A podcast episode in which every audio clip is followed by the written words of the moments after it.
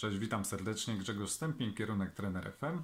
W dzisiejszym podcaście poruszę tematykę e, treningu personalnego, a konkretniej powiemy sobie o treningu funkcjonalnym i jego wykorzystaniu w pracy z naszym podopiecznym.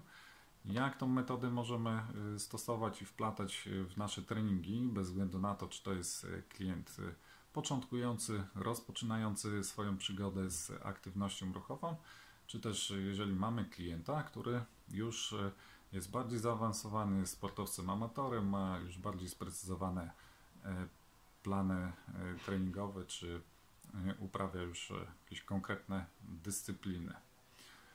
Myślę, że część z Was, trenerów, ma wypracowane już jakieś swoje metody współpracy, styl pracy z klientem.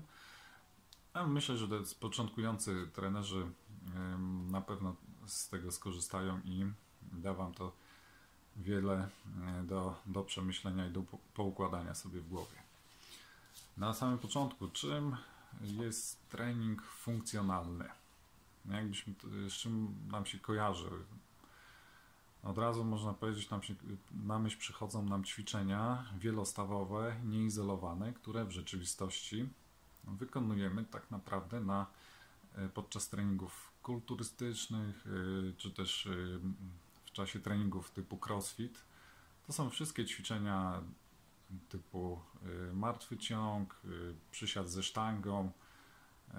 I w zasadzie mamy tutaj pewne elementy treningu funkcjonalnego, no ale też nie do końca. No jest, jest tutaj złożoność ruchów, natomiast brakuje często w tego typu treningach wielopłaszczyznowego działania i elementów prioprocepcji, czyli e, specyficznego ustawienia ciała e, w przestrzeni.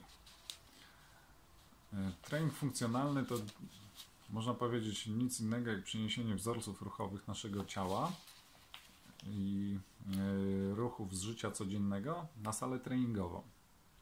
To zwłaszcza jeżeli bierzemy pod uwagę klienta początkującego, natomiast jeżeli bierzemy pod uwagę klienta bardziej zaawansowanego, sportowca amatora, to przeniesienie specyfiki e, danej dyscypliny e, na salę treningową i przekucia tego w, w plan treningowy, po to, aby na wyższy poziom wznieść e, i rozwijać przygotowanie motoryczne, danego klienta i zapobiegać e, tym samym kontuzjom. Podsumowując, można by powiedzieć, że jest to połączenie wiedzy trochę z treningu medycznego z wiedzą na temat przygotowania motorycznego. Bardziej nam chodzi tutaj o e, trening ruchu niż trening mięśni. Rozbudowa masy mięśniowej staje się jakby efektem ubocznym to trening y, nastawiony bardziej na zdrowie i jakość życia podopiecznego, y, zwłaszcza jeśli mówimy o, o podopiecznych zaczynających y, przygodę z treningiem.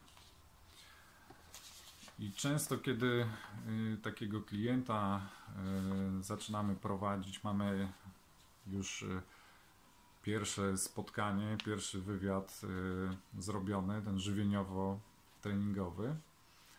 I najczęściej albo to na tym samym spotkaniu lub na kolejnym zaplanowanym przechodzimy sobie do tej części y, testowo-ruchowej, gdzie naszego klienta y, sprawdzamy, y, na jakim poziomie y, ruchomości jest jego ciało Wykorzystujemy przy tym ruchy złożone, takie jak właśnie te wzorce przysiadu, wzorzec y, hip hinge, czyli zgięcia w stawie biodrowym, y, wykroki, no i inne w celu sprawdzenia y, dysfunkcji ruchowych.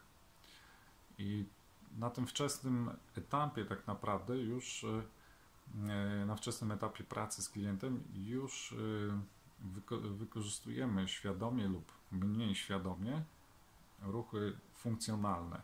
Do tego e, też często dobieramy ćwiczenia zwiększające mobilność e, dostosowane do dysfunkcji klienta, e, po to, aby pomóc klientowi zniwelować te skutki siedzącego trybu życia, czy też po prostu zmniejszać jego ryzyko kontuzji, urazów, czy też w przypadku zaawansowanych klientów polepszyć jego wyniki sportowe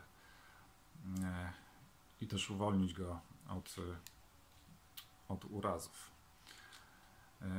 W taki oto sposób uczymy klienta radzić sobie z, przede wszystkim z ciężarem własnego ciała, zanim już przejdziemy do jakichś bardziej konkretnych ćwiczeń z ciężarami, do innego rodzaju treningów. Ćwiczymy przede wszystkim kontrolę włas, własnego ciężaru. Wykorzystujemy ruchy wielopłaszczyznowe, kształtujemy wzorce ruchowe, a nie mięśnie przede wszystkim, bo często kiedy trenujemy mięśnie, zapominamy o wzorcach ruchowych, a trenując wzorce nie zapominamy o mięśniach. Więc należałoby o tym pamiętać, gdy mamy na przykład klienta, który przychodzi do nas i on chce już zrobić masę mięśniową, chciałby od razu zabrać się za konkretne ćwiczenia siłowe, a na przykład ma przykurczone mięśnie tak naprawdę nie jest w stanie wykonać poprawnie zadanego zakresu ruchowego wykorzystanego do danego ćwiczenia i tym samym może, jeżeli mu ulegniemy, no to pogłębimy jego problem i narazimy na jeszcze większy kłopot. Bo przecież nie każemy pakować na klatę klientowi, który ma przykurczoną klatkę, zrotowane barki do wewnątrz, lekko odstające łopatki, słabe w ogóle mięśnie trzymające łopatki.